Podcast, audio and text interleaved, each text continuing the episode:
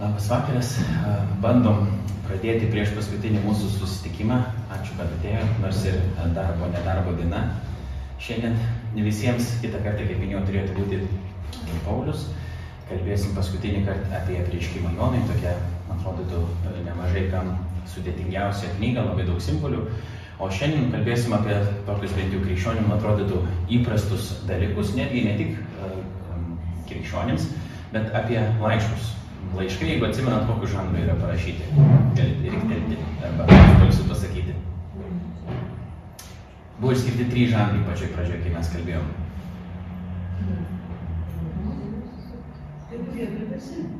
Kaip ese arba prozos diskursas. Nebuvo naratyvas arba pasakojimas, buvo poezija ir prozos diskursas. Dabar iš tų trijų žanrų skirtingų jisai būtų pagal dydį, pagal apimtį kelintas. Ko yra daugiausia Biblijoje? Pasakojimų daugiausia, po to Ant, antras poezijos, jis taip nedrąsiai mūžmo panuosim, trečias prozinio diskurso. Tai um, dažniausiai, jeigu jūs uh, atsidursit bažnyčiai, ypatingai evangeliniai, uh, labai dažną kartą uh, išgirsite pamokslą būtent iš laiškų prozos diskurso, net ne iš Evangelijų, būtinai apie kurias mes kalbėjom praėjusį kartą, ne iš pasakojimo kažkokio, be abejo būna ir to.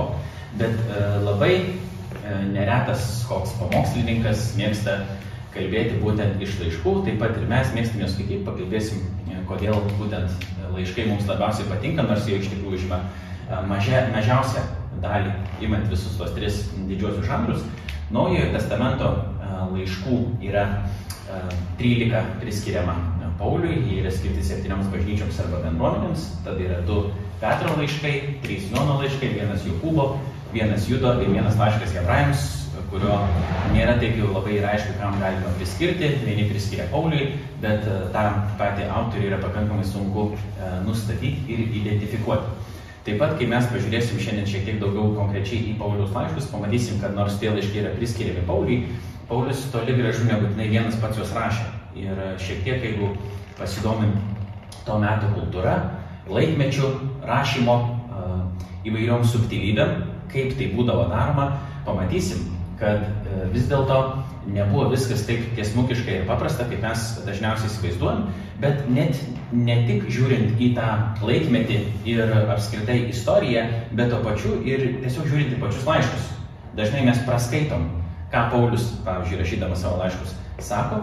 Ir ten dažnai yra įvardyjama daugiau negu vienas autorius, bendra autorius veikęs kartu su Pauliu. Tai bandysim šiek tiek uh, į tai pažiūrėti. Dabar kodėl mes taip mėgstam skaityti uh, laiškus? Atrodytų, kad tie laiškai tiesiog yra lengviau skaitomi negu visa likusi Biblija, ypatingai Senasis testamentas arba prieškimo knyga. Ten yra viskas struktūruota, pasakyta sveiki, yra taip, taip ir taip ir taip, reikia daryti tą, tą, tą ir aną ir tada atsisveikinimas ir pabaiga. Kitas dalykas, laiškai yra rašomi tokiu stiliumi nuo manęs tau arba nuo mūsų jums ir dėl to pats skaitydamas laišką, aš girdžiu tarsi mane kreiptųsi tu ir skaitau, tarsi tas laiškas būtų parašytas man ir neretai tada krikščionys, pavyzdžiui, yra mokomi, arba mes taip ir jaučiamės, kad tai yra Dievo laiškas man. Na, nesvarbu, kad rašė, pavyzdžiui, Paulius konkrečiai bendruomeniai, bet mes pradedam skaityti, tarsi tas laiškas būtų adresuotas tiesiai mums ir tada susisiems su juo žymiai paprasčiau, negu kad skaitydami kažkokį pasakojimą apie kažką, apie žydus prieš kelis tūkstančius metų, kur mums nesuprantama nei kultūra, nei laikmetis, kalba kitokia buvo vartojama ir taip toliau. Tai laiškai mums atrodo tokie žymiai asmeniškesni. Mano, nesakysiu dabar tiksliai kas, bet vienas pažįstamas, būdamas mažas, pasėmė knygą kažkokią ir ten buvo pradžioje pačioje parašyta brangus skaitytojų. Ir jisai atsisuko į mamą ir sakė, o, oh, brangus skaitytojų, aš, aš esu tas skaitytojas, čia man. Tai mes kartais taip ir jaučiamės, kad mums sakoma yra brangus ten tokie tie brangus tikintieji, ten tar, ir taip toliau. Ir mes jaučiamės tarsi čia kreiptųsi tiesiog į, mus. Kitas dalykas, mes neretai, ypatingai jeigu būsim Biblijos studijų grupelėse įvairiuose, klausimas galiausiai būna toks, o kaip man reikia tą, ką perskaičiau, pritaikyti savo gyvenime. Reikalas yra toks, kad ne visi bibliniai tekstai yra taip tiesiogiai pritaikomi mano gyvenime, bet kadangi mes norim praktikos, daugumai iš mūsų, aš esu šiaip teoretikas. Tai nėra taip, kad aš visą laiką ieškau, kaip gauti naudos man praktinės gyvenimui. Tai rodo ir mano studijos, nes, pavyzdžiui, teko dabar man tenka studijuoti filosofiją ir per filosofijos paskaitas dėstytojas bandė vienas iki aiškinti dabar, ar čia filosofai yra kažkokie įnamiai, kokie parazitai visuomenės, kurie nieko neveikia, kaip sakyti, mąstantys savo reikia būti kažkaip pateisinti, nes kokie jie duoda, duoda naudą praktinę. Tai netgi atsispindi valstybės pinigų paskirstime. Tiksliesiam mokslam yra skiriama ženkliai daugiau pinigų negu, negu humanitarinė mokslo. Kodėl? Nes tiksliai mokslai duoda praktinę naudą. O ką humanitarai daro? Kažką kalba, kažką pasakoja, kažką rašo, bet jokios praktinės naudos netneša. Aišku, bėda yra ta, kad humanitariniai mokslai yra tie, kurie formuoja žmogų pirmiausia, bet mums visiems yra žymiai paprasčiau turėti kažkokią praktinę naudą patirti. Skaitom laiškus, mums yra paprasta pasakyti, va, taip reikia elgtis, taip reikia daryti ir mes to dažnai ir laukiam iš biblinių tekstų, dėl to tie laiškai kartais mums yra priimtinesni. Kitas dalykas, kad laiškuose galima rasti tokių gabaliukų, trumpų citatų, ypatingai socialinių medijų amžių, kur mes galim nukopijuoti ir tada įklijuoti kažkam um, pažiūrėti. Ne šiaip, kad ten kokią nors į Senojo testamento pasakojimo eilutę, kuri netaip gražiai skambės, ne, o laiškuose, pavyzdžiui, parašyta taip, atpildas už nuodėmę mirtis, o Dievo malonės dovana amžinasis gyvenimas mūsų viešpatyje Jėzuje Kristuje. Jeigu turi Biblijos programėlę, bam, gali iššokti tokia citata kokia nors tai dienai, tu nežinai, koks ten kontekstas, apie ką ten ėjo kalba, bet skamba gražiai, patinka, su kažkuo kitu galiu pasidalinti, labai patogu. Um, po to kita, jūs juk esate išgelbėti malonę per tikėjimą ir ne iš savęs, bet tai yra Dievo dovana ir nedarbais, kad kas nors nesigirtų. Šitai eilutė man yra labai artima, dėl to, kad mano tikėjimai turėjo tokį sukėlė tarsi virsmo tašką, kai aš skaičiau būtent laišką fiziečiams e, kažkada čia prieš kokius aštuonerius metus. Ir ta eilutė vėrė man labai širdį, tai yra, jinai yra man brangi, norėtųsi vėl su ja visais dalintis, bet jinai irgi tarsi tam tikram kontekste, o užtat skamba gražiai, galime ir vieną pačią pasidalinti.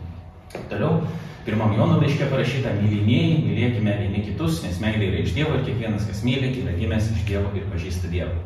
Tai va, mums patinka tokios trumpos citatos, kai nereikia daug mąstyti, nereikia daug galvoti, yra pasakyta taip, taip ir taip ir taip, gražiai skamba. Netgi, pavyzdžiui, man tenka kartais diskutuoti internete apie tikėjimo klausimus su žmonėmis, aš kažką parašau ir tada e, yra kur krikščionių, kurie su manim nesutinka, e, nebūtinai aišku, dėl ko nesutinka, galbūt ir tiesiog ne, nežino, ką aš turiu menyje, bet kaip argumentas prieš mane būna dažnai ne kas nors paaiškinamas koks nors, o tiesiog eilutė iš Biblijos. Kokia nors paima eilutė ir įdeda. Ir dabar suprask man, ką čia reikia daryti ir ką jinai turėjo reikšti mano konkrečioje situacijoje. Bet jinai skamba kažkaip gražiai, tas žmogus kažką norėjo pasakyti, tai paėmė, iš, išėmė eilutę, įklijavo ir suprask dabar, kad čia yra skirta nei tau, pavyzdžiui, ten, a, jam gal atrodo, kad aš darau kažkokią nuodėmę, kažkokį mokymą, E, sakydamas ir darydamas ir tada jis man atpildas už nuodėmę mirtis, man tai lūtė ir klyjuoja ir čia reiškia, Laurinai, va tau jinai yra priskirta. Būna taip kartais, ne? Mums patinka tokie dalykai. Reikalas yra tas, ką aš tikiuosi jūs jau pastebėjote bent jau šiek tiek. Kad um, Biblija Taip, galima suprasti, skaitant, be abejo, kiekvienas, kuris moka skaityti, gali kažką suprasti. Gali suprasti esminę žinią, ypatingai skaitydamas Evangelijas apie Jėzų, laiškose jinai dar yra išplečiama, aiškinama, be abejo, tai kažką gali suprasti iš Senojo testamento, kad yra tam tikra istorija, tą bendrą istorijos vingį pagauti, ar ne, bet kiekviena gera literatūra, jinai yra labai gili ir daugias sluoksnė. Tai jau ką be kalbėti apie Bibliją, kuri yra laikoma knygų knyga, ir jinai yra labai gili. Ir jeigu ta literatūra yra gili, klasika, tai ją skaityti neturi būti labai paprasta. Ne? Jinai turi turėti kažką tokio savyje, ką reikia perkasti, perlaužti, kiekvieną kartą skaitant vis naujai, tu gali pamatyti tuo labiau, kad Biblija yra žydų meditacinė literatūra ir jinai skirta yra visą gyvenimą skaityti, skaityti, skaityti iš naujo. Tai reiškia, kad kiekvieną kartą skaitydami mes galim kažką joje atrasti. Čia jau nekalbant apie dvasinį tą lygmenį, kadangi krikščionių supratimu vis dėlto Biblija yra Dievo žodis mums irgi. Yra Dievo įkvėpta. Ką tas reiškia, vėl atskiras klausimas, bet reiškia, joje dar yra kažkokia tokia, nu, jinai turi dvasinį lygmenį, pavadinkim, pavadinkim ir taip.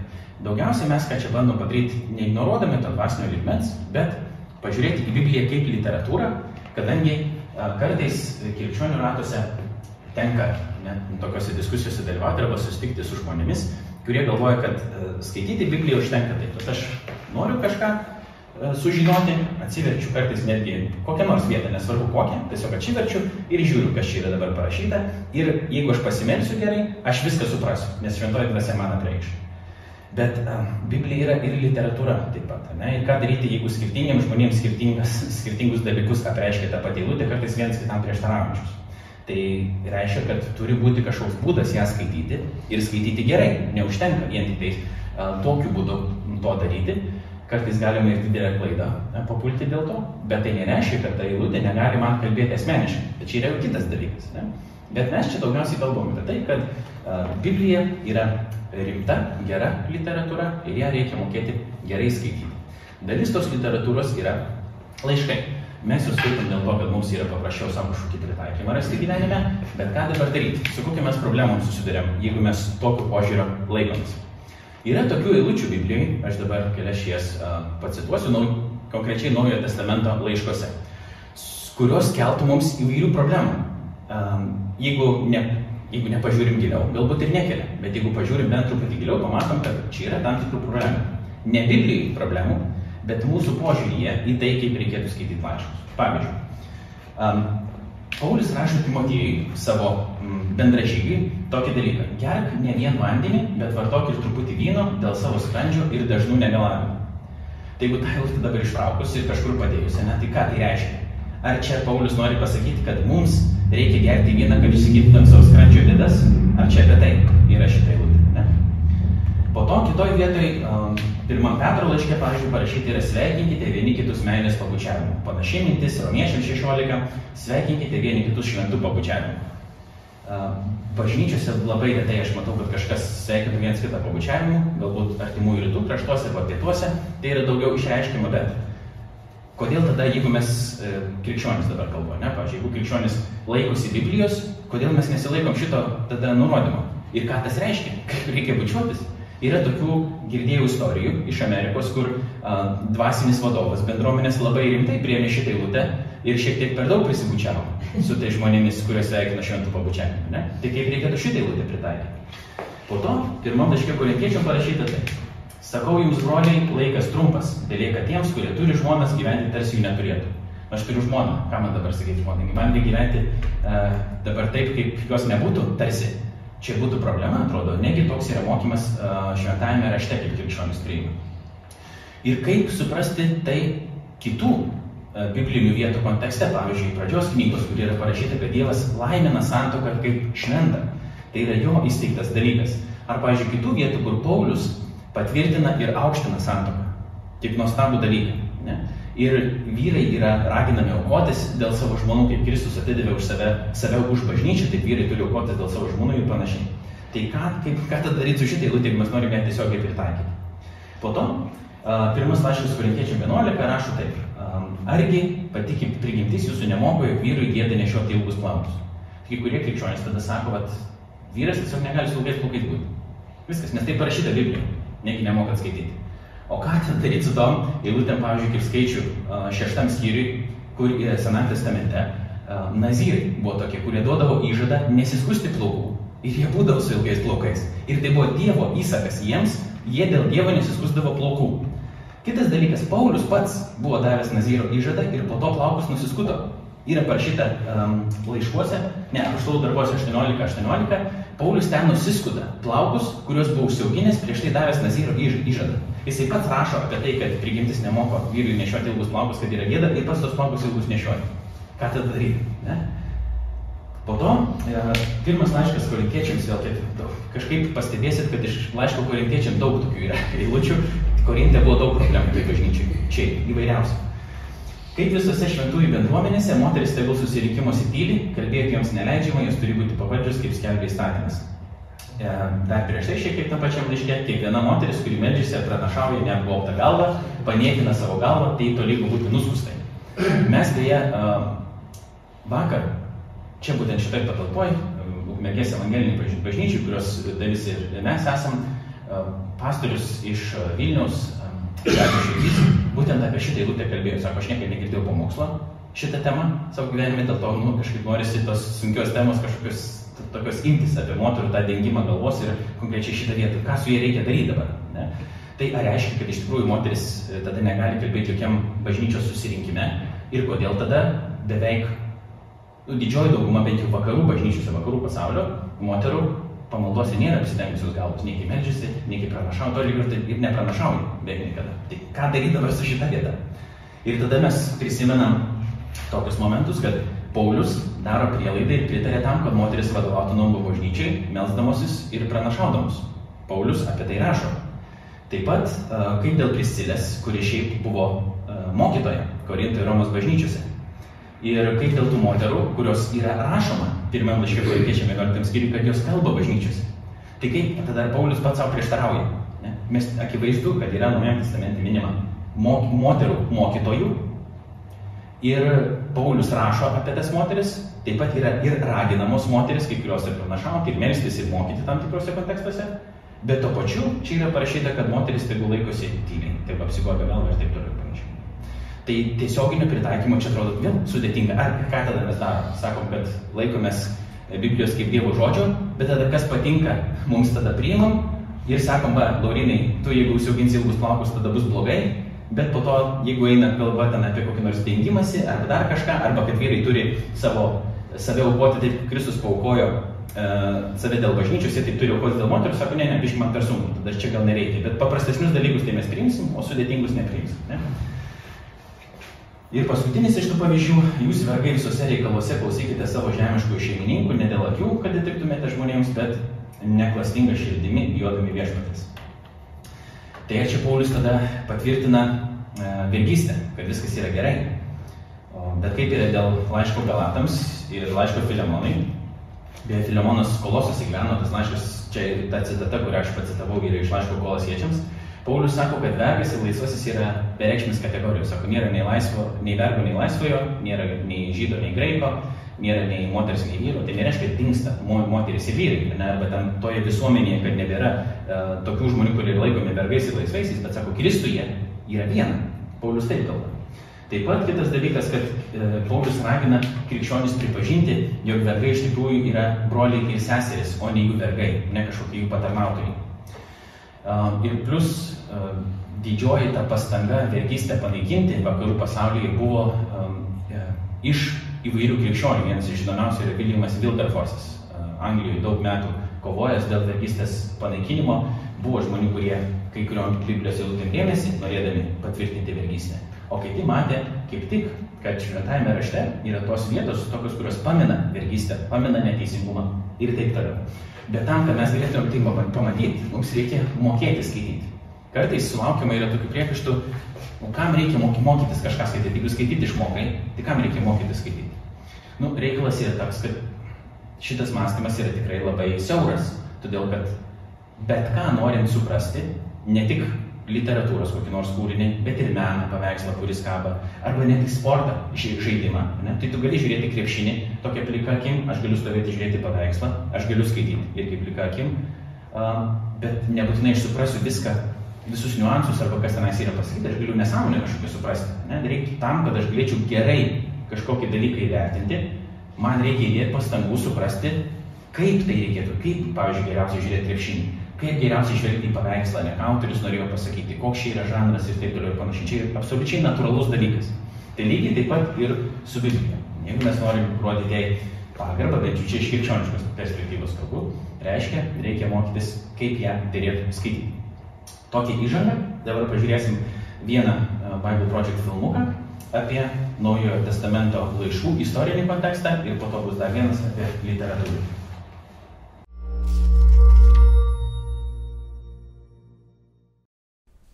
Vartydami Bibliją, į pabaigą rasite 21 laišką. Jie parašyti Jėzos sekėjų bendruomenėms senovės Romos imperijoje.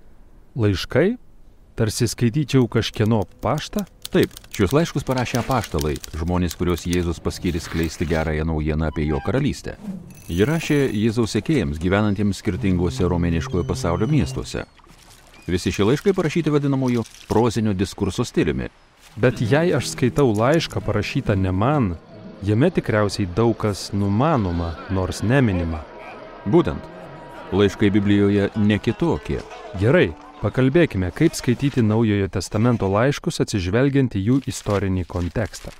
Taigi, skaitant Naujojo testamento laiškus, reikia atminti tris istorinio konteksto lygmenis. Pirmasis nurodo, kad visi laiškai dera platesnėme biblinio pasakojimo siužete. Aha, šis pasakojimas prasideda Dievui sukuriant žmoniją kaip savo bendrininkę drauge valdyti kūrinyje. Tačiau mes nusprendžiame valdyti pagal savo taisyklės. Tai nuveda į smurtą, tremtį ir mirtį. Vis dėlto Dievas vyrui vardu Abraomas pažada, kad per jį ir jo palikonis visoms tautoms bus dovanotas gyvenimas ir palaiminimas, jog būtų atnaujintas Dievo planas žmonijai. Jėzus sakė, kad jis atėjo įvykdyti šio pažado savo gyvenimu, mirtimi ir prisikėlimu. Būtent, apaštalai save laikė šaukliais, kelbenčiais Jėzuje atėjusią Dievo karalystę. Pavyzdžiui, apaštalas Paulius, Romos namų bažnyčioms rašydamas apie gerąją naujieną, sakė, kad jo darbas sukviesti visas tautas prisiekti Jėzui, išaukštintajam pasaulio karaliui. Tai sakyti Romos imperijos sostinės gyventojams drąsoka, mat jie turėtų būti prisiekę Cezariui. Taip, ir tai mus atveda prie antrojo svarbaus konteksto, padedančio suprasti naujojo testamento laiškus, prie pirmojo amžiaus Romos imperijos kultūros. Roma valdė teritorijas aplink visą viduržėmio jūrą. Valdė užkariaudama ir pavergdama savo priešus ir tada įvesdama didelius mokesčius. Imperatorius ir jo aplinkos žmonės kontroliavo visus turtus ir valdžią. Jie žinojo, kaip susidoroti su tais, kurie grasino socialiniai tvarkai. Dauguma žmonių gyveno nepasiturimai, neturėdami tvirtesnio pagrindo. Romos kultūroje buvo labai aiški hierarchija. Turtingi ir įsilavinę vyrai iš svarbių šeimų visuomenėje galėjo kopti aukštyn. O moterys, vergai, vaikai ir vargšai visuomet buvo nepalankioje padėtyje ir laikomi prastesniais. Jėzaus sekėjų bendruomenėje buvo kitaip. Visi sulaukdavo meilės ir su visais elgtasi vienodai oriai. Romėnų gyvenime neįsivaizduota, kad aukštos padėties žmonės bendrautų su žemiau esančiais.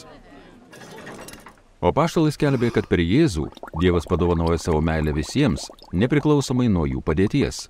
Tad atsižvelgiant į tokį kontekstą, šie laiškai metė iššūkį tuo metu kultūrai ir naikino atskirti tarp žmonių. Būtent, taip priartėjome prie paskutinio konteksto ligmens - situacinio kiekvieno laiško konteksto. Ar turi omenyje konkrečias atskiro miesto bažnyčios problemas, kurios ir paskatino tą laišką parašyti? Taip, kaip kad Paulius laiškė Romos krikščionims. Įskaitant kyla pagunda susitelkti tik į svarbes teologinės mintis, bet tai praleidžiame, kodėl jis parašė šį laišką. Kodėl jis jį parašė? Na, laiško pabaigoje jis kalba apie tai, kaip žydų maisto ir šventų dienų įstatymai tapo ginčytinais tarp žydų ir nežydų Jėzaus sekėjų. O tai skaldė bažnyčią. Įdėmiai skaitydami matome, kad kai kurie aukštos socialinės padėties krikščionys į Jėzaus sekėjų žydus žvelgia su panieka. Žydai krikščionys atsikirzdavo tuo pačiu, smergdami nežydus kaip antrarūšius Jėzaus sekėjus. Tikrai taip. Todėl visos pirmosios laiško dalies mintys ir teologija buvo skirtos spręsti būtent šias problemas.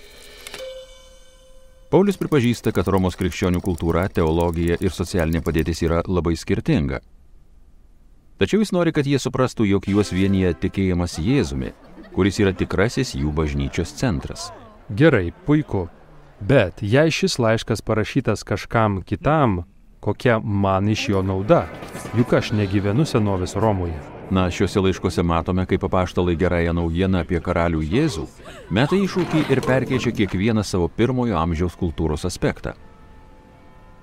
Stebėdami juos įgyjame išminties, kaip ta pati geroji naujiena gali perkeisti ir mūsų kultūrą. Skaitant Naujojo testamento laiškus, naudinga žengti dar vieną žingsnį - mokyti sekti laiško minties tiekmę nuo pradžios iki pabaigos. Tai mes apžvelgsime kitą kartą. Buvo paminėti keli konteksto lygmenys, kai mes bandom kalbėti apie tai, kaip geriausia yra skaityti Naujojo testamento laiškus. Pirmas dalykas yra pasakojimo kontekstas, antras kultūrinis, trečias situacinis ir galiausiai literatūrinis kontekstas. Apie kiekvieną iš jų pabandysiu pasikalbėti e, trumpai. Pirmas dalykas, ką jau ne vieną kartą girdėjau čia akcentuojama, yra tai, kad Biblija yra vientisas pasakojimas. Dar Bible Project mm, formuluoja taip, kad tai yra vientisas pasakojimas vedantis prie Jėzus. Jėzus yra šito pasakojimo kulminacija.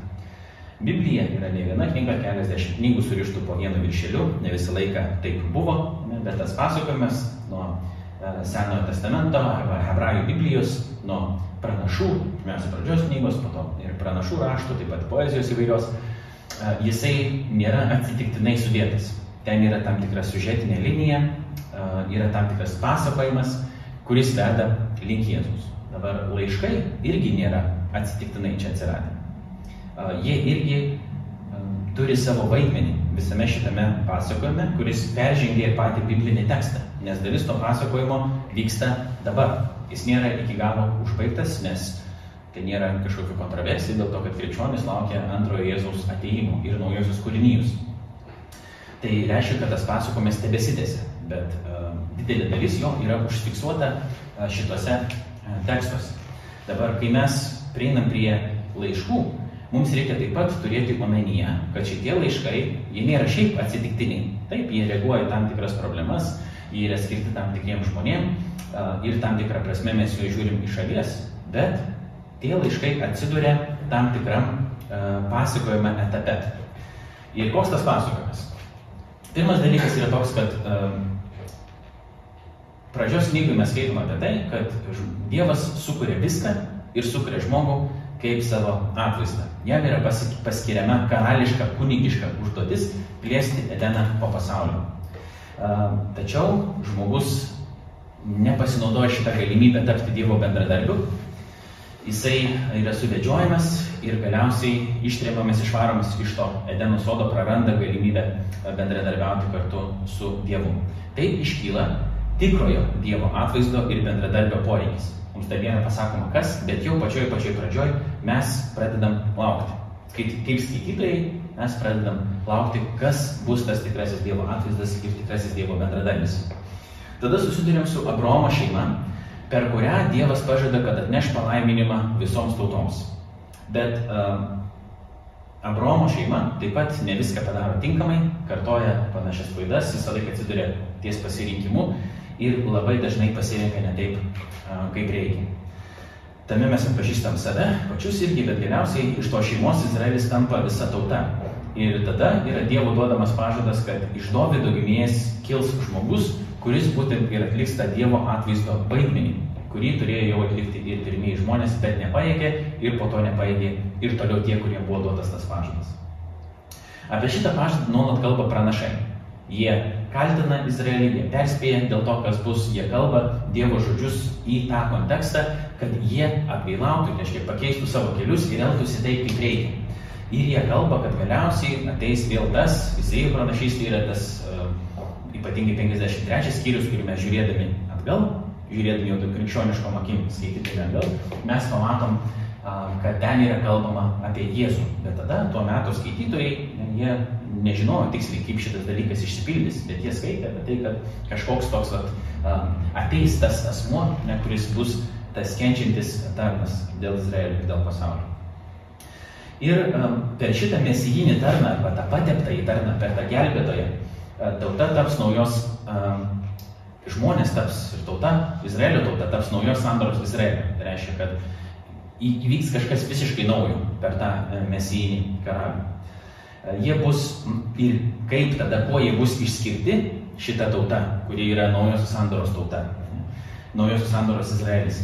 Jinai išsiskirs tuo, kad jai bus duota šventosios dvasios, Dievo dvasios atnaujinta širdis, gebanti mylėti Dievą ir artimą.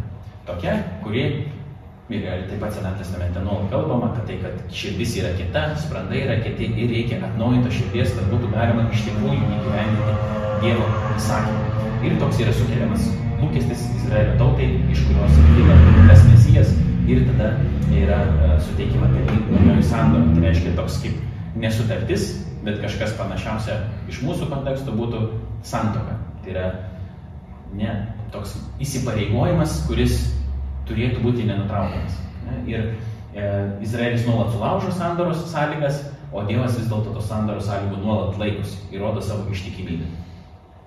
Ir galiausiai Evangelijose, tose pasakojimuose apie Jėzų, toje geroje naujienoje, um, paaiškėja, kad Jėzus ir yra tas tikrasis Dievo atvaizdas, mesijinis karalius ir visų tautų valdovas. Čia ir yra geroji naujiena, kad šitas um, miręs ir prisikėlęs Izraelio mesijas Jėzus yra viso pasaulio karalius ir valdovas. Ir Evangelijos mums metai iššūkį, ką mes dabar darysim su šituo žydų vyru. Dabar po to ateina laiškai. Ehm, čia yra paryškinta, kuriame ehm, etape šito pasakojimo jie veikia. Ir mes esame tame etape. Tas pasakojimas vėl, jeigu taip greit perbėgant, susideda iš kelių tokių etapų. Pirmiausia, sukūrimas ir Dievo atvaizdas, kuris yra žmogus, tada vyksta maištas, nuopolis ir Babilono tremtis. Dievo misija per Izraelį yra paskelbiama, kad būtent per Izraelio tautą, kurią jis išsirenka, bus palaimintas visas pasaulis. Izraelis vėl, ištremiamas ir jie vilėsi, kad bus išgelbėti iš tos tremties ir ateis Dievo karalystė. Jėzus būtent ir yra tas Dievo karalystės atnešėjas jame ateina Dievo karalystė į pasaulį ir jis yra tas karališkas ir kunigiškas atvaizdas ir Dievo karalystė Izraeliui ir taip pat visoms tautoms. Ir Jėzaus karalystė visoms tautoms yra skelbiama pirmiausia per apaštalus. Tai reiškia, tuos apaštalas reiškia siūstasis. Bet tie apaštalai, kurių buvo 12, tai uh, jie buvo tie, kurie matė Jėzų prisikėlus. Tai yra toks nu, skirtingas uh, apaštališkas supratimas šitos grupės, kad jie buvo tie, kurie regėjo Jėzų prisikėlusi ir buvo pasiusti skelbti tą gerąją naujieną. Ir, kaip minėjau, šitame etape buvo patys apaštalai ir laiškų rašytojai, kurie turėjo apaštalinių sąsajų, sąsajų su apaštalais. Ir galiausiai, jau laikų pabaigoje, ir tos mandras žodis eschatologijoje, jau pačiam, pačiam dalykų pabaigoje, pačioje dalykų pabaigoje, turi įsitvirtinti šitą Dievo karalystę naujojoje kūrinyje, kai Dievas sugrįž ir padarys viską naujo. Ir jis karaliaus kaip tikrasis teisėtas šito pasaulio valdovas, ko krikščionys ir vilėsi. Ne išskristi kažkur ir ant debesies įdėti su dievuliu ir, ir gruoti arfomis, bet laukti, kol ateis Dievo karalystė pilnai čia, kuri jau Jėzuje prasidėjo ir visiškai įsiskleis ir visa bus padaryta nauja. Ir Dievas gyvens kartu su savo žmonėmis, kaip ir turėjo būti. Um, dabar apaštalai šitą pasakojimą tęsia tas pasakojimas nesibaigia, ne? jie tą pasakojimą tęsia ir jie užima esminį vaidmenį šitą pasakojimą. Dabar, kaip sakyti, Izraelio mesijas atėjo, pasirodo jis yra ne tik Izraelio mesijas, bet ir viso pasaulio, viso pasaulio visų tautų valdovas, dabar reikia visom tom tautom, tautom paskelbti gerąją naujieną. Gerą naujieną, kad yra tas valdovas. Kai kam tai nėra gera naujiena, nes patys nori būti valdovai. Ne? Ir čia jau ateina Romos imperijos kontekstas, kur tie patys žodžiai, kuriuos e, mes skaitom Biblijoje taikomi Jėzui, tai yra gelbėtojas, Dievo sūnus ir panašiai, buvo taikomi taip pat ir imperatoriui.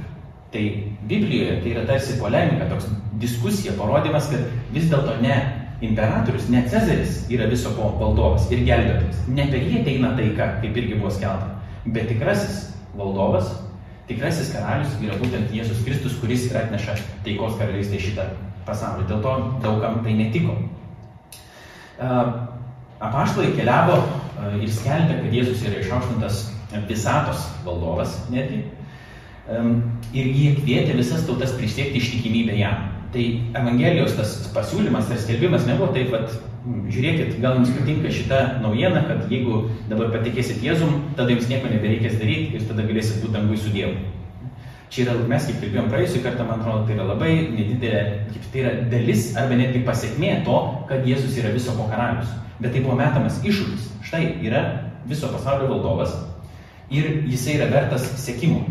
Ką jūs dabar su tuo darysite? Geroji naujiena yra tai, kad Dievo karalystė atėjo šitame žmoguje Jėzuje, kuris numirė ir prisikėlė ir yra išaukštintas viso pasaulio valdovas.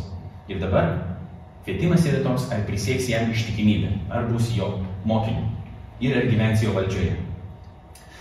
Um, tie žodiniai pamokymai, nes apaštalai keliavo po visą tą dabar viduržėmį jūros tą pasaulį, mes vadinam tuometinę Romos imperiją, jie keliauja ir jie skelbia.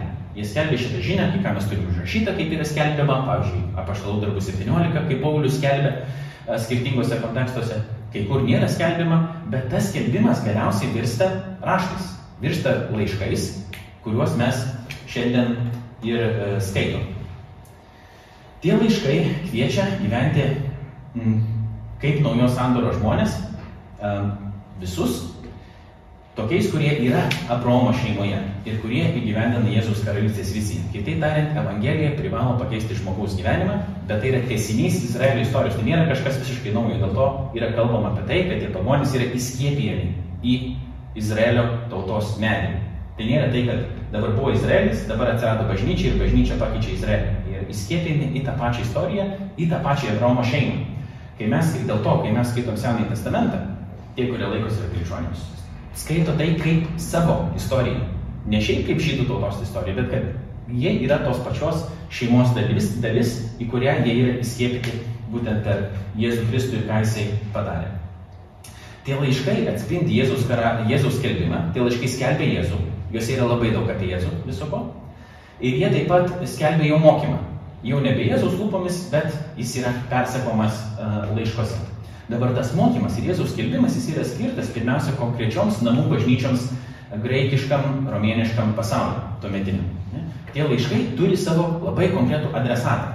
Kartais tai yra asmenys, kaip Timotėjus, pavyzdžiui, atveju, kartais tai yra bažnyčios, kaip laiškas korintiečiams, kaip laiškas romiečiams. Tų bažnyčių, pavyzdžiui, Romai galėjo būti keliolika, mes tiksliai nežinom, kiek jų buvo, gal keliasdešimt, ten galėjo susidaryti keli šimtai žmonių, skaičiuojama, ten porą šimtų žmonių galėjo būti Romai, bet tos bažnyčios rinkosi namuose, nes nebuvo kur, nebuvo, nu, krikščionybė buvo um, persiekėjama žydų sekta romėniškam pasauliu, mes pasiaiškim šiandien kodėl.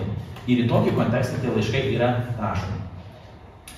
Dabar mes, kaip minėjau, mes esame tame pačiame pasakojimo etape, kai Evangelija yra skelbiama visoms tautoms. Čia dabar mes uh, esame atsidūrę. Bet reikalas yra tas, kad nuo laiškų parašymo yra praėję apie 2000 metų. Ir mes gyvenam kitokiam kultūriniam kontekste.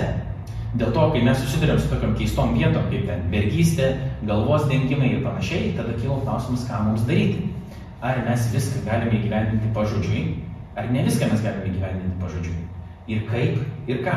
Ir dėl to čia reikia tada gero skaitimo.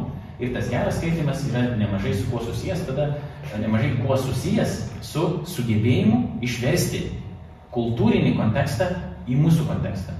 Nes yra tokia, yra giluminė, ne ta žinia, kur yra visą laiką, jinai yra antlaikiška, jinai nesikeičia. Ne?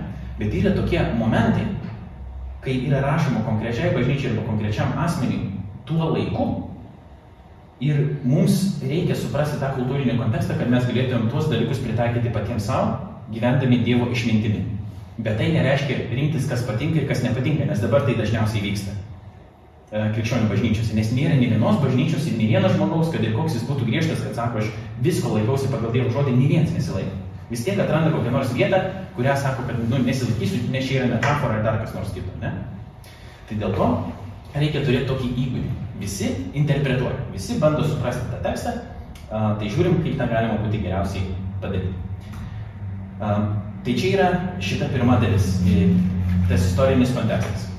Kultūrinis kontekstas mums reikia turėti du momentus omenyje. Kad visų pirma, tai krikščionybė, ta ankstyvoji, jinai yra Pirmiausia, žinoma, kelio vardu, ne krikščionybės vardu. Pirm, krikščionimis pavadinami jie yra vėliau, tai mažais Kristumis. O Kristus iš graikų kalbos irgi yra pateptas, tas pats kaip Mesijas. Ne? Ir, bet jie yra e, žydų sąjūdis, pirmiausia. Judėjimas ar sąjūdis. Jis yra žydiškas, jis tai prasideda bet jis plečiasi į pagonių pasaulį. Dėl to mes skaitom, kad yra tokios diskusijos ten, ką dabar daryti su tais naujais pagonimis, kurie įtiki, nes pirmieji Jėzaus mokiniai yra žydai.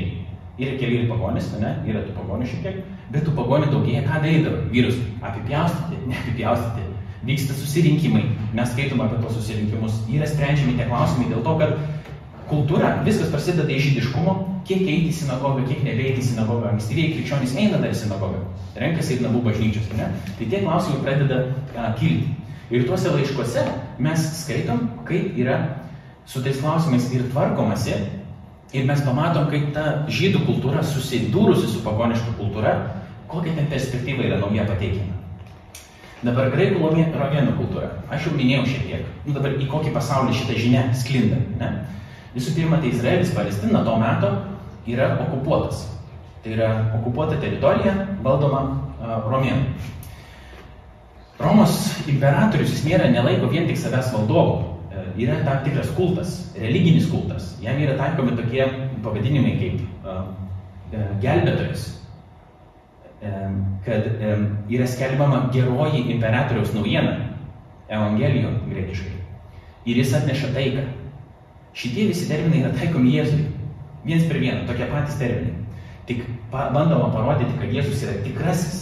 Jis yra tikrasis valdovas, o šitas, jis nėra tikras. Bet tai yra skandalinga žinia, tai yra žiauriai didelis skandalas tokiam pasauliu. Ne? Bet šitie žodžiai yra parenkimi neatsitiktinai. Um, imperatorius reikalauja, kad jis būtų garbinamas, jis privalo būti pačiame viršuje, jis yra ko ne Dievas. Ne? Jis taip, sakykime, į, tokią, į tokį pasaulį sklinda geroji naujiena. Graikų romėnų kultūra taip pat yra ženklinama garbė ir gėda. Yra tam tikri dalykai, kurie yra laikomi garbingais ir kai kurie dalykai, kurie yra laikomi gėdingais. Pavyzdžiui, krikščionis buvo laikomi gėdingais. Kodėl? Dėl to, kad jie sekė nusikaltelį, kuris buvo nukryžiuotas baisiausia romėniška bausme. Nes jis, tarsi, jie neturi jokio statuso, jie seka vadovų, kuris neturi jokio statuso ir jokios galios, o tai yra hierarchinė visuomenė, paženklinta garbė ir gėda. Ne? Tai jie yra, krikščionys yra nuolatiniai gėdos būsena, jie yra nuolat gėdinami, iš jų yra tyčiojamasi, jie yra nesuprasti, po to galiausiai yra pradedami persekioti. O, garbė, o garbė užtikrina tavo statusas, tavo jėga ir taip toliau. Kai kurios dalykus tu gali užsidirbti, o kai kuriuos tu gauni dėl to, kad tu buvai gimęs tam tikrų, mm, pažiūrėjau, vyrų. Vyrai būdavo aukščiau hierarchijoje negu moteris ar ten vergai vaikai ar dar kažkas. Ne? Šeimos modelis netgi jisai buvo labai panašus į imperijos modelį, kur yra viršuje imperatorius, po to yra ten yra valdininkai, po to yra um, vergai, gali ten, kaip sakyti, lipti karjeros laiptais irgi iki tam tikro lygio, tada yra uh, visokie amatininkai, galiausiai ten yra visokie uh, valkatos ir panašiai. Ne? Tai ir šeimoje būdavo modelis, kur vyras tas šeimos patriarchas, jis gali ten spręsti daug visokių klausimų, jis gali su savo vergais, netgi savo šeiminykščiais naudotis kaip daiktais, Um, ir, ir šeimoje yra tam tikra hierarchija irgi, atspindinti e, imperijos a, modelį. Um, visuomeninė padėtis yra labai svarbi. Ta sponsoristė, ką reiškia, pavyzdžiui, kad kai kurie norėjo galbūt, kai Paulius jau prakuto, e, krikščionių ratose tapo žinomas, e, kalbėtojas, e, kai kurie norėjo paremti jį, kad jis galėtų galbūt skelbti e, ir mokyti, bet tas paremimas nebūtinai būdavo iš tokių nuoširdžių paskatų, kad nori paremti, bet dėl to, kad jeigu tu esi kažkieno sponsorius, tu kažką paremė, tai tau suteikia statusą visuomeniai, ne, kad tu esi tas, kuris davė lėšų kažkokiam dalykui įvykti. Ir Lietuvoje dar daug tokių dalykų buvo, ne, kad yra pastatytos ir bažnyčios, ir pastatai, ir dar kas nori, net yra dedikuota, yra parašyta vardas, kas šitą dalyką dedikavo, dėl to, kad jis paskyrė pinigų ir tai suteikia tam tikram asmeniai uh, garbės. Ir buvo laikomi tam tikri dalykai švariais ir nešvariais, tai čia jau ne apie žydiškumą eina kalbama, ne apie tą ritualinį ne, ne apie ritualinę švarą, bet apie tam tikrą visuomenės tvarką. Tai reikia mums turėti omenyje tai, kad tai yra žydų kultūrinis, tai ne kultūrinis, bet tai yra žydų sąjūdis, kuris plečiasi į romėnišką pasaulį, o tas romėniškas pasaulis yra graikų romėnų pasaulis, yra ženklinamas tam tikrais dalykais. Dėl to, kai laiškai yra rašomi, jie nuolat atkreipia dėmesį į tos dalykus. Kaip pavyzdžiui, apie tą sponsorystę kalbėjau. Paulius sako, nors aš turiu teisę gyventi iš Evangelijos, aš pats dirbau savo rankomis. Ne? Tai iš čia parodo tam, kad jis bando padaryti žmonės nuolankiais, nes kai kurie nori savo statusą iškelti per tą uh, Paulius sponsorystę. Bent jau taip leido man suprasti Bible Project medžiagą. Yra tam tikri uh, momentai. Po to, kai yra kalbama apie Jėzų kaip karalių, Jėzų kaip gelbėtoją, kad jis atneša taiką, tai yra pažįstami terminai to pasaulio žmonėms ir įrodoma, kad vis dėlto ne imperatorius yra vertas pagarbos, šlovės ir viso kito, bet šitas Jėzus, kuris yra aukštesnis, kažkas daugiau negu, negu imperatorius. Tai ką aš bandau tiesiog pasakyti, kad visi tie terminai, kaip laiškai yra sukonstruoti, kas ten yra kalbama ir kaip yra kalbama, yra kalbama į tokį pasaulį, kurie yra ženklinami šitų paminėtų dalykų. Dėl to juos reikia atkreipdėmės. Tai nėra šiaip kažkokie tekstai, bet mes pasimam 21 amžiui, skaitom ir viskas yra viens prie vieno, kaip kad buvo tada. Ne? Ir tada mes bandom tuos žodžius pritaikyti lygiai savo situacijai. Ne, ne, ne visą laiką viskas lygiai taip pat išeina. Galiausiai yra situacinis kontekstas. Tam, kad mes galėtume jį geriau suprasti, pabandykite įsivaizduoti. Sėdit troleibuse, kaviniai, ar namie, nesvarbu kur, ir kažkas kalbasi telefonu. Nugirstat keli žodžius, norom, nenorom, bet pradedat klausytis pokalbio ir pradedat spėlioti, su kuo čia kalbama ir apie ką yra kalbama tiksliai ir kodėl kalbama apie tai. Ne? Ir kartais jau būna, būna mano kalbasi, su mama savo aš klausiu, su kuo kalbėjai, nes kartais supranti, su kuo tiksliai, bet pasitiksliai, nes su kuo kalbėjai ir apie ką ir ką tau sakė. Kai kurios dalykus girdėjai, bet man reikėjo kažkaip tam, kad aš suprasčiau tą pokalbį, kodėl jis vyko būtent taip, kodėl buvo jaudinamasi arba džiaugiamasi, man reikia kažkaip tas skylės užkamšyti, kad aš galėčiau turėti vientisą istoriją, vientisą pasakojimą, suprasti, kodėl buvo sakyta būtent taip. Tai laiškai yra kažkas labai panašaus. Laiškas yra rašomas jau tam tikram kontekste ir mes ne viską žinom. Ir mes tarsi klausomės to telefoninio pokalbio ir mums reikia kažkaip bandyti tas skylės užkamšyti, kodėl yra sakyta būtent taip, kodėl čia dabar taip yra pasakyta. Ir mes turim priemonių, kaip tai pasakyti. Bet mes, kaip sakyti, tame laiške yra daug dalykų, kurie nėra atvirai pasakomi, bet kurie yra laikomi tarsi visi jo žinom. Tai tie, kuriems buvo rašoma, tai tie ir žinojo. Jiems nereikėjo aiškinti, bet mes nežinom. Dėl to mums reikia aiškintis. Tai dabar kaip mes, kaip mes aiškinamės, kaip mums geriausiai suprasti tada laišką kaip visumą. Visų pirmiausia, tai visi jį perskaityti. Nes dažnai um, skaitome mes taip, ir aš taip padarau, kadangi laiko pritrūksta, dar kažkaip ir bažnyčiose taip pat irgi yra, ne, kad yra skaitoma arba pamokslaujama iš labai mažo gabaliuko.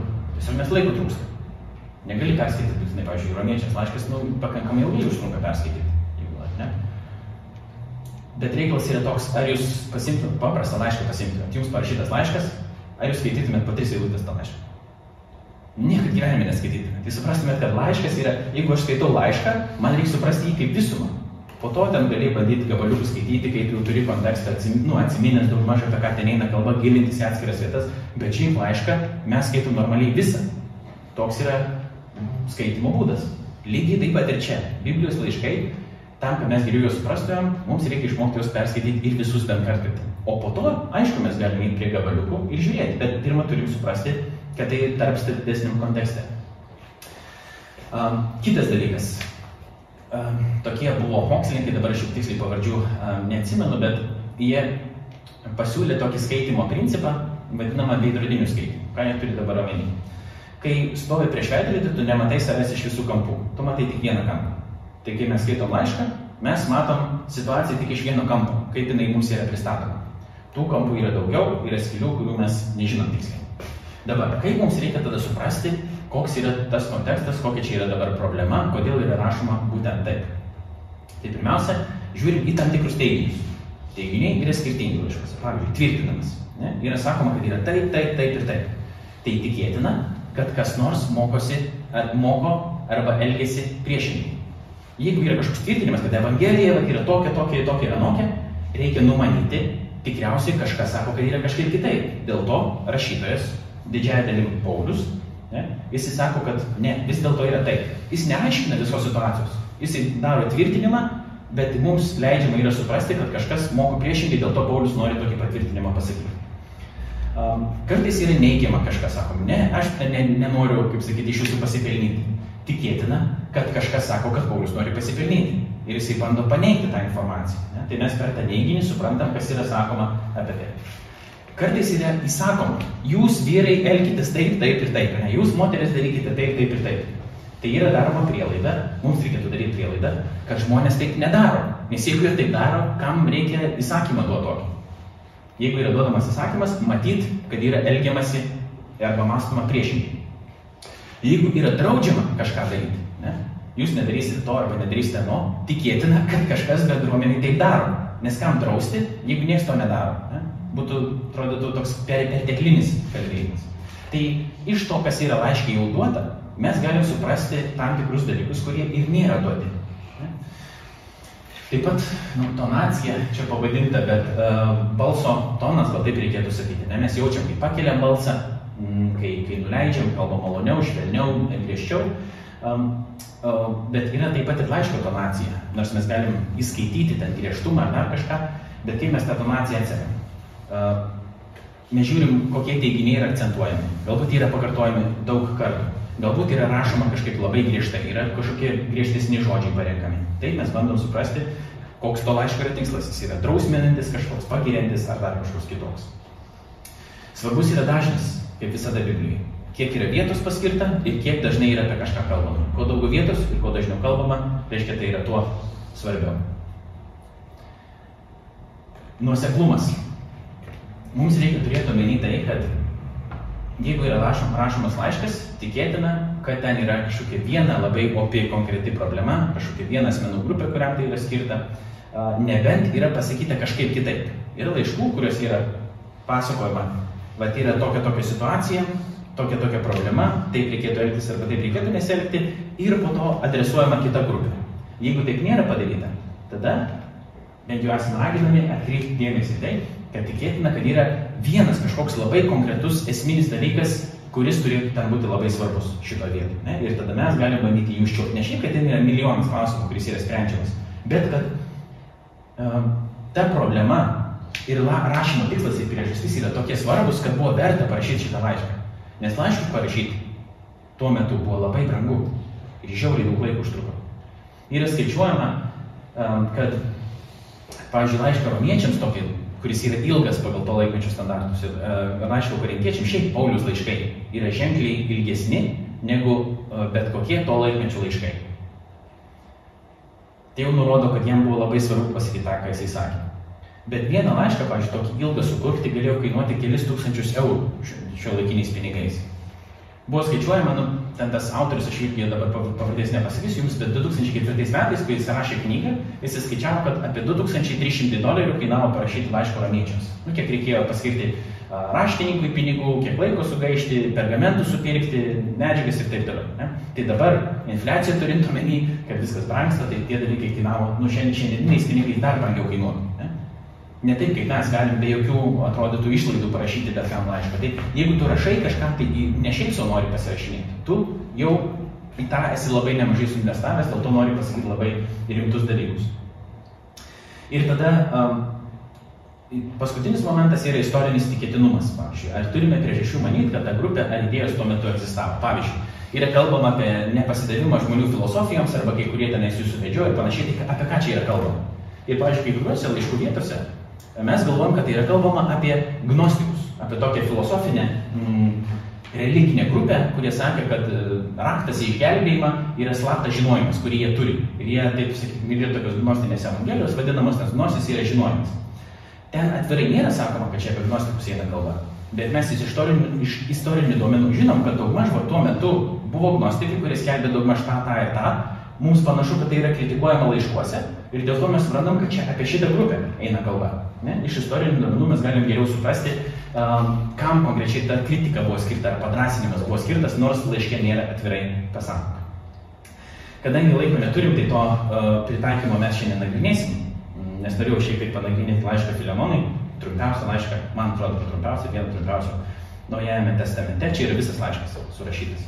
Bet uh, jis čia šitame laiške yra iš principo paminama, pasiema tokia siekla prieš vergystę kai pabėga Onesimas, toksai vergas nuo Filemono, tada jis ateina, atrodo, pas Paulių e, glaustis, tada Paulius uh, kreipiasi į Filemoną ir sako, kad aš tau grąžinsiu jį atgal, užmokėsiu viską, ką jis tau yra padaręs, bet tu jų priimti ne kaip vergą, o kaip brolį.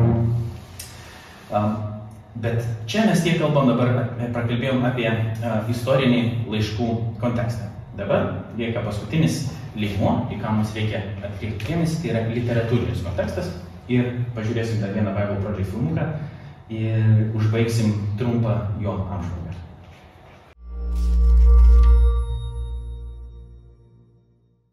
Beveik Biblijos pabaigoje randame 21 laišką, Jie rašyti ankstyvųjų Jėzaus sąjūdžio vadovų ir skirti nedidelėms bažnytinėms bendruomenėms skirtingose romėnų pasaulio miestuose. Senovės pasaulyje laiškams rašyti reikėjo daug pinigų ir pastangų. Todėl kiekvienas laiškas buvo kruopščiai rengiamas nuo pradžios iki pabaigos. O tai reiškia, kad mes kiekvieną iš jų turėtume skaityti kaip vientisą literatūros kūrinį. Tad ir pakalbėkime apie tai, kaip skaityti Naujojo testamento laiškus, turint omeny jų literatūrinį kontekstą.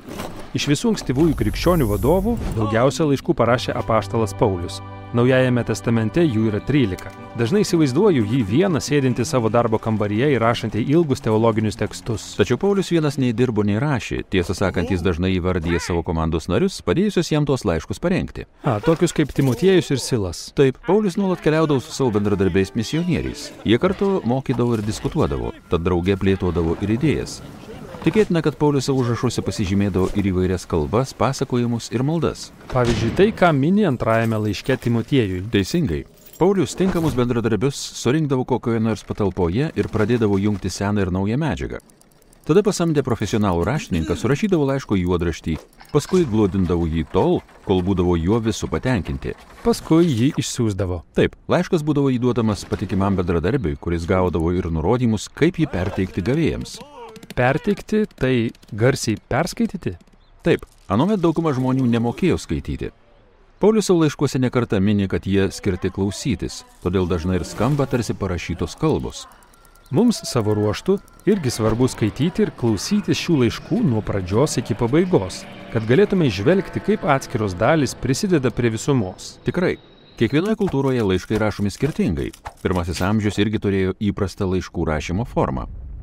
Laiškas turi pradžią, joje įvardymas autorius ir gavėjas, tada padėkos malda arba pasveikinimas, po to eina laiško dėstymas. Ši dalis ir yra pagrindinė laiško rašymo priežastis. Joje pateikiama tai, ką gavėjas turėtų žinoti arba į ką turėtų reaguoti. Teisingai. O tada eina pabaiga. Joje gali būti sveikinimai, kelionės planai, paskutinis prašymas ar malda. Tad praverstų pažiūrėti, kaip Naujojo testamento laiškai skirstomi į šias dalis. Gerai, imkime pavyzdžiui Pauliaus laišką Efeziečiams. Pirmiausia, įžanga, o po jos ilga padėkos Dievui malda. Šios įžanginės maldos viduryje Paulius įvardyja pagrindinę viso laiško mintį. O jie yra apie Dievo planą. Visa, kas yra danguje ir žemėje, suvienyti Mesijuje Jėzuje. Tačiau ką tai reiškia? Na pačiame laiško dėstyme Paulius pakartoja ir išskleidžia šią sodrę mintį. Taip, tačiau laiško dėstyme nesunku pasiklysti ir pamiršti, apie ką Paulius apskritai kalba. Tikrai, juk laiškė Efeziečiams yra maždaug 3000 žodžių. O palyginti su kitais laiškais jis trumpas. Tačiau atminkime, kad šios laiškus Paulius parašė, kad jų būtų klausomasi. Todėl jis dažniausiai palieka užuomino apie minties eigą, įterpdamas jungiamosius žodžius kaip taigi, todėl ar vadinasi.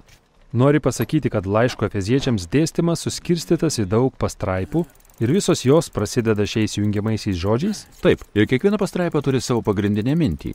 Pirmoji yra apie tai, kad Jėzus yra visko ir visų karalius. O jūs tai yra ne izraeliečiai dabar esate įtraukti į Dievo kuriamą naująją žmoniją. Taigi Dievo viena naujoji šeima sudaryta iš visų tautų žmonių. Tad Dievas naująją žmoniją suvienijo Jėzuje. Čia pagrindinė mintis yra tokia. Taip, ir ši tema jungia visas pastraipas nuo pirmo iki trečio skyriaus. Prieėję ketvirtąjį skyrių pastebime labai didelį lūžį. Taigi, Taip, šis jungiamasis žodis yra pirmosios ir antrosios laiško dalies savara. Dievas suvienijo naują žmoniją Jėzuje. taigi kas? Puikus klausimas. Skaitykime toliau ir apibendrinkime ketvirtojo skyriaus pastraipas. Dievo suvienyta naujoji žmonija yra labai įvairi, tad mes turime gyventi kartu kaip Dievo naujoji kūrinyje. Taigi dėl to turime išmokti mylėti vienas kitam atleisti, nes mes esame viena. Ši dalis yra apie gyvenimą vienybėje. Taip, tad dabar matome, kaip visos laiško dalys susijungia į vientisą minties tiekmę. Dievas suvienijo naują žmoniją Jėzuje. Taigi gyvenkite taip, kad ši vienybė būtų puoselėjama. Šitaip išskaidyti laišką labai pravartu. Tai kaip žemėlapis, kad nepaklyščiau. Tikrai. Ir šitaip gali skaityti kiekvieną Naujojo testamento laišką. Suskaidyk jį į smulkesnės dalis, kad išvelgtum kiekvienos pastraipo žinę. O tada susektum pasikartojančias mintis ir jungiamuosius žodžius, kad pamatytum, kaip visa vėl susijungia. Tada suprasi, kaip genialiai paštalai susijo visas dalis į literatūrinę visumą, bylojusią pirmiesiems Jėzaus mokiniams ir vis dar pajėgia kalbėti mums. Ir pabandykim trumpai aptarti tą, ką čia dabar matome. Pirmiausia, šiek tiek apie pirmojo amžiaus, konkrečiai Naujojo testamento laiškus. Jeigu yra paminėti vardai laiškų pradžioje, dažnai būna taip, pavyzdžiui, Paulius ir tada Timotėjus vienas iš tų žmonių būna, kuris būna tas bendrasiuntėjas, Sostenas, Silas, kiti būna. būna. tai tikėtina yra, kad jie prisidėjo prie šito laiško turinio. Tai nėra tai, kad Paulius vien tik vienas pats sugalvojo viską, kas ten yra parašyta. Jeigu tai yra ne šeimos nariai ir minimi laiško pradžioje, ir taip pat Paulius rašo Paulius ir tada kažkas ten kitas ir, ir tam ir tam ir tam ir tam. Na, yra ma, numanoma, kad jie prisidėjo prie to laiško turinio. Reiškia, jie, jų mintis ten taip pat atsispindi. Laiškai dažniausiai nebūdavo parašomi per vieną prisėdimą kažkokiai vienai vietai. Paulius negyveno labai patogiai, turėkime menį, jisai um, keliavo po visą Romos imperiją, būdavo ir suimamas, ir mušamas buvo, ir kalinamas, ir pateko į e, audrą ir su laivu buvo sudušęs. Ne, nebuvo taip, kad jis labai ramiai gyveno, ne nuolat. Galiausiai iš vis buvo užmuštas. Bet e, keliavo jisai dažniausiai ne vienas, ir kartu su tais savo bendra keleiviais diskutuodavo, kalbėdavosi, skelbdavo tą žodį, galiausiai turėdavo ramesnį kažkokį momentą, susėsdavo, aptardavo, sakydavo, kad reikia mums tai surašyti, bažnyčiai kažkokie nusiųsti.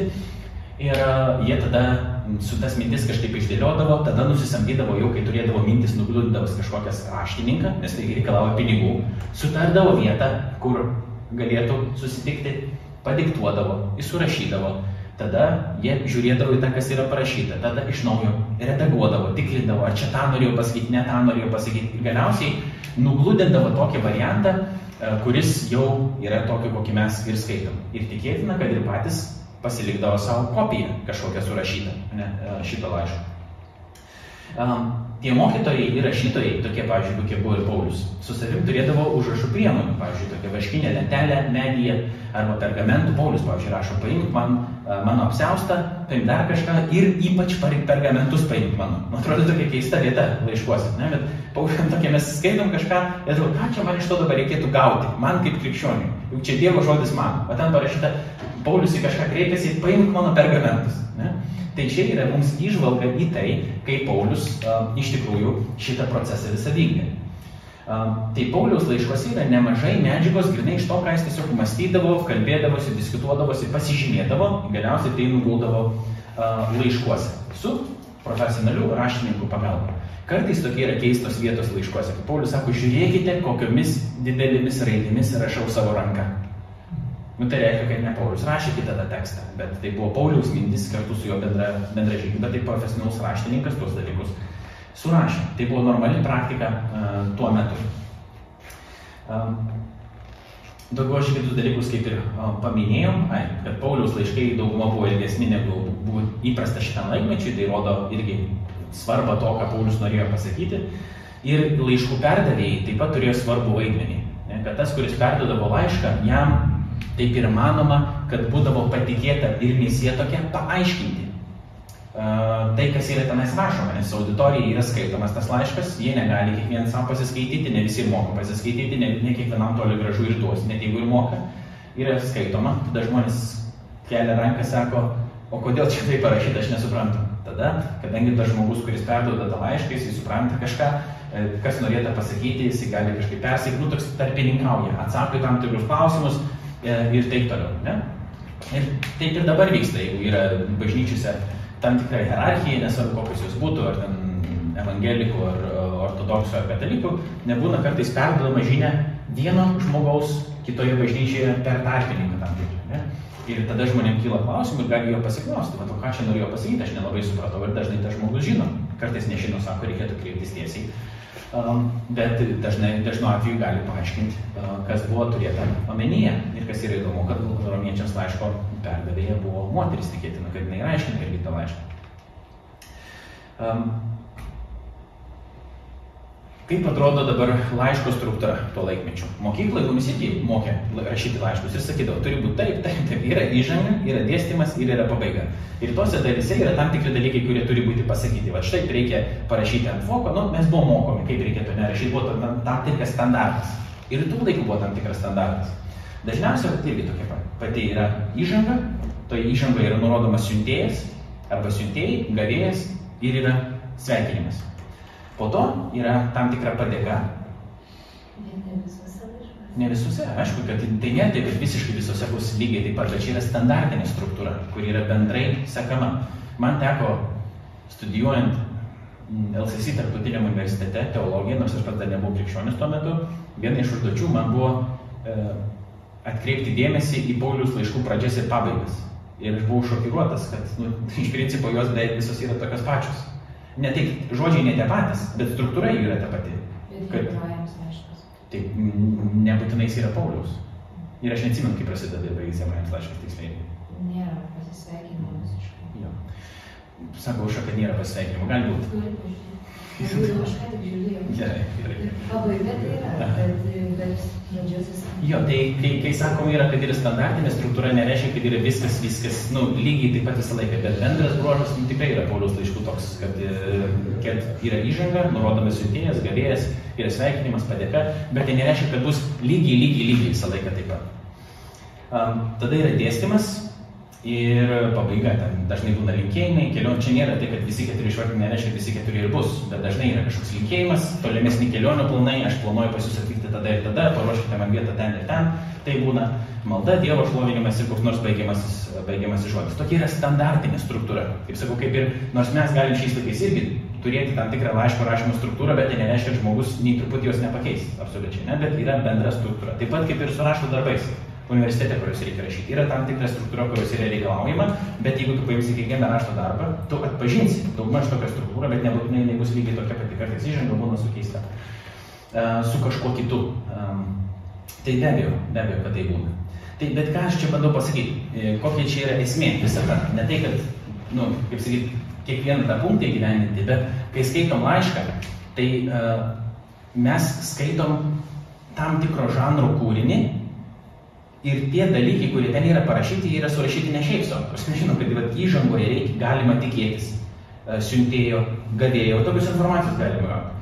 Ne, e, kažkokį sveikinimą ar linkėjimą tenais sulaukti. Dėstymė, jau tikėtina, mes atrasim priežastį, kodėl laiškas yra rašomas, kažkokia esminė problema, kuri yra sprendžiama ar, ar kažkas tokio. Ne. Pabaigoje mes galim tikėtis, kad bus kažkoks ar palaiminimas, ar pasveikinimas, ne pasveikinimas, linkėjimas, arba tolimesni kelionės planai, arba padėka už ką nors gali būti duodama. Arba ir tada laiškas užbaigiamas. Ne? Tai bet laiškas turi tam tikrą savo struktūrą. Um, laiškai, reikia turėti omenyje, e, buvo rašomi, kad būtų skaitomi pirmiausia. Dėl to kartais jie taip ir skamba, tarsi rašytinės kalbos. Būna prezidentui, pavyzdžiui, duodama irgi kažkas jam parašo ir jis turi perskaityti šitą dalyką. Tai tas tekstas, kuris yra skirtas skaityti, skiriasi skaityti garsiai, tai reiškia kalbėti, išsakyti, jisai dažnai skiriasi nuo to, jeigu aš rašyčiau straipsnį kažkokį. Ne? Man kartais tenka parašyti tokią medžiagą, kuri, kurią aš turiu pasakyti kažkam, pavyzdžiui, vaizdo įrašę. Ne? Ir po to man reikia jį pritaikyti straipsniui, skaitomam, jau kai niekas neklausys manęs kalbančio ir aš tada turiu kai, kai kurios dalykus pakeisti, dėl to, kad kalbant yra vienas efektas, o skaitant yra šiek tiek kitas efektas.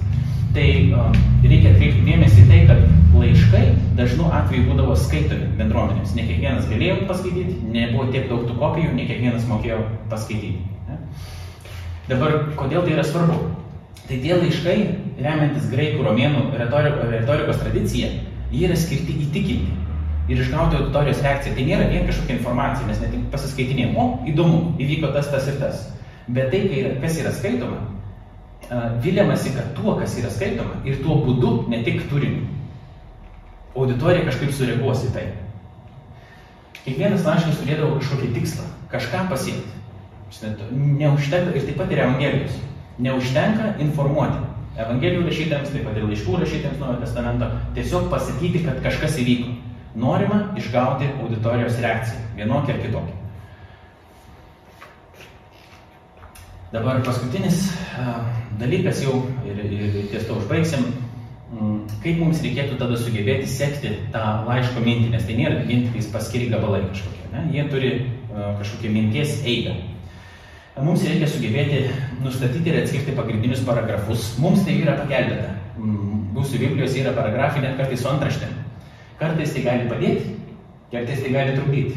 Nes jeigu uh, kažkas, pavyzdžiui, nu, norėdami mums pagelbėti, davė antraštę tokią, kuri nebūtinai atspindi pagrindinę mintį, arba nutraukė, pavyzdžiui, kaip yra numeracija, yra mintis dar nepasibaigė, o paragrafas jau nutrūksta, ne? tai tada mes galim kažką prarasti truputį. Aišku, viskas ten yra tikrai gerai padaryta, mokslininkai darė, Biblijos tyrėjai, visą kitą, čia nėra taip, kad ten būtų kažkokių problemų, bet mes skaitydami tos tekstus, ir čia aš jūs paraginčiau tą padaryti namuose, jeigu norit praktikos tikrai. Per seminarus filosofijos vienas dėstytojas, kuris dirbo su mokiniais, dėl to buvo tikrai geras pedagogas, irgi su mokiniais mokykloje. Ir mums buvo pasilengvo mokytis dėl to, kad viskas būdavo aišku, ko jis nori iš mūsų. Jis buvo taip ir, mm, mano supratimu, E, ir geras e, savo dalyko išmanytojas, bet to pačiu mokė, mo, mokėjo mokyti. Jis mums liepė tokią vieną kartą užduotį padaryti, kaip vaikams, tai yra filosofijos seminarą. Davė kažkokį filosofo tekstą, sako dabar, ką jums reikia padaryti namuose, jums reikia nedidelė namų užduotis buvo, bet tokia. Kadangi filosofiniai tekstai yra sunkus, kartais nesupranti, kas tenais yra pasakyta. Sako, filosofiniai tekstai nėra tam skirti, kad tu nieko nesuprastum. Aš skirti, skirti kažką tau pasakyti. Tai dėl to įmanoma suprasti. Sako, praktinis būdas koks. Pasiimkit, pažiūrėkit pastraipas, kokios yra parašytos ir pabandykit vienu sakiniu aprašyti šitos pastraipos pagrindinį mintį. Kas joje norėtų pasakyti. Tada pasimkite kitą pastraipą, irgi parašykite pavadinimą. Susirašykit pavadinimus. Labai panašiai laiškuose čia galima padaryti, kaip čia buvom mes irgi raginami, pasimti laišką kažkokį, pažiūrėti kokį nors pastraipą, kur mintis pasi, prasideda, kur jinai pasibaigia, ne, ir pasirašyti savo vienu sakiniu, štai apie ką čia buvo kalbėta. Va čia yra pagrindinė mintis. Tada kita pagrindinė mintis ir tada mes galėsim matyti, kaip per laišką eina ta mintis, kaip jinai yra plėtojama ir suprasim geriau, kas ten buvo parašyta, o ne taip, kad tiesiog skaitom visą laišką ir atrodo mums, ai čia apie tą, čia apie tą, čia apie tą, aš nelabai galbūt susigaudau, bet perskaičiu tą, ką reikėjo perskaityti. Bet ten taigi kažkas norėtų pasakyti. Ir mes galim ten išvelgti tą mintį, neretu atveju. Tai čia toks labai praktinis būdas pasiimti paragrafą ir pabandyti savo pasirašyti prie kiekvieno paragrafo, čia yra pagrindinė mintis tokia, čia tokia, čia tokia, čia tokia. Um, išnagrinėti, kokios yra pagrindinės idėjos įžangoje, toje pačioje pradžioje, kas tenais yra norima pasakyti, kas laišką siunčia, galbūt yra pasakyta, kodėl siunčia, kam siunčia, kokios situacijos, pavyzdžiui, Paulius yra kartais pristato Paulius, ten, apaštalas, po to Paulius kalinys, Paulius vergas, Ne? Irgi tai pasako nemažai. Kaip Paulius save pristato, mes nemažai su, sužinom um, apie tai, kokia misija yra kontekste ir ką nori pasakyti šito laiško. Reikia nustatyti ir atkreipti dėmesį į retorinį kiekvieno paragrafo tikslą. Tai čia jau yra ne apie pagrindinę mintį kalba, bet o ką autorius nori, kad mes padarytume su šitą mintį. Ko jis iš mūsų nori, kai jis įrašo šitos dalykus, koks yra jo tikslas. Ir uh, galiausiai atrasti paragrafų sąsajas. Kaip tą reikia padaryti? Per jungiamusius žodžius pilna jų yra. Vadinasi, dėl to, taigi, tai reiškia, pavyzdžiui, jeigu yra kažkoks paragrafas, ne Jėzus Kristus yra visų tautų karalius, tam, ram, ram, ram, taip surašyta, ir tada dėl to mylėkite vieni kitus, nu, pavyzdžiui, čia mūsų meilė viena, vienas kitam reiškia, yra grįsta tuo, kad Jėzus yra visų tautų karalius. Pavyzdžiui, ne, čia taip, nu, šiaip ištempas čia šaunu šitą dalyką. Bet tie žodžiai yra svarbus, jie nebereikalai yra ten parašyti, tie junginiai žodžiai. Per tai mes galime atsekti, kas laiškuose norima pasakyti. Gerai. Šiandien viskas. Ačiū tada visiems ir iki kito karto.